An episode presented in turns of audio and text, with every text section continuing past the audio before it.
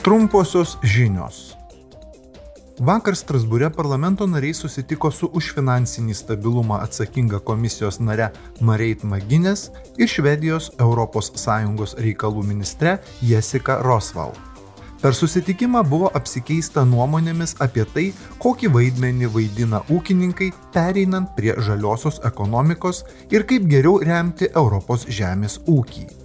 Diskusijoje komisijos narė Maginės sakė,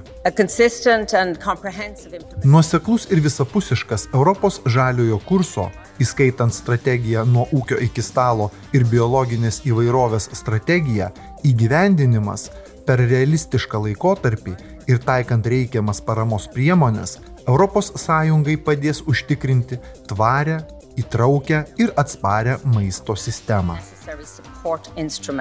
Mareit Maginės taip pat pridūrė, jog daugiau kaip nei 60 procentų Europos dirbožėmio yra nualinta ir tai tiesiogiai veikia dirbožėmio drilingumą ir galimybę jame auginti maisto produktus.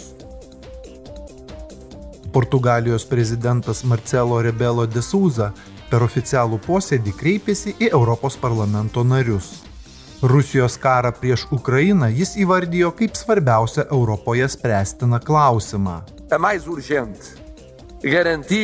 Svarbiausias uždavinys yra užtikrinti, kad po Ukrainos žmonės kankinusio ir daug daugiau žmonių visame pasaulyje, o ypač Europoje, paveikusio karo, būtų užtikrinta teisinė, teisinga ir morali taika, gerbent tarptautinę teisę ir žmogaus teisės, užkertant kelią naujiems karams, suteikiant naują ateitį tiems, kurie dabar gyvena asmeninėme, ekonominėme ir socialinėme netikrume.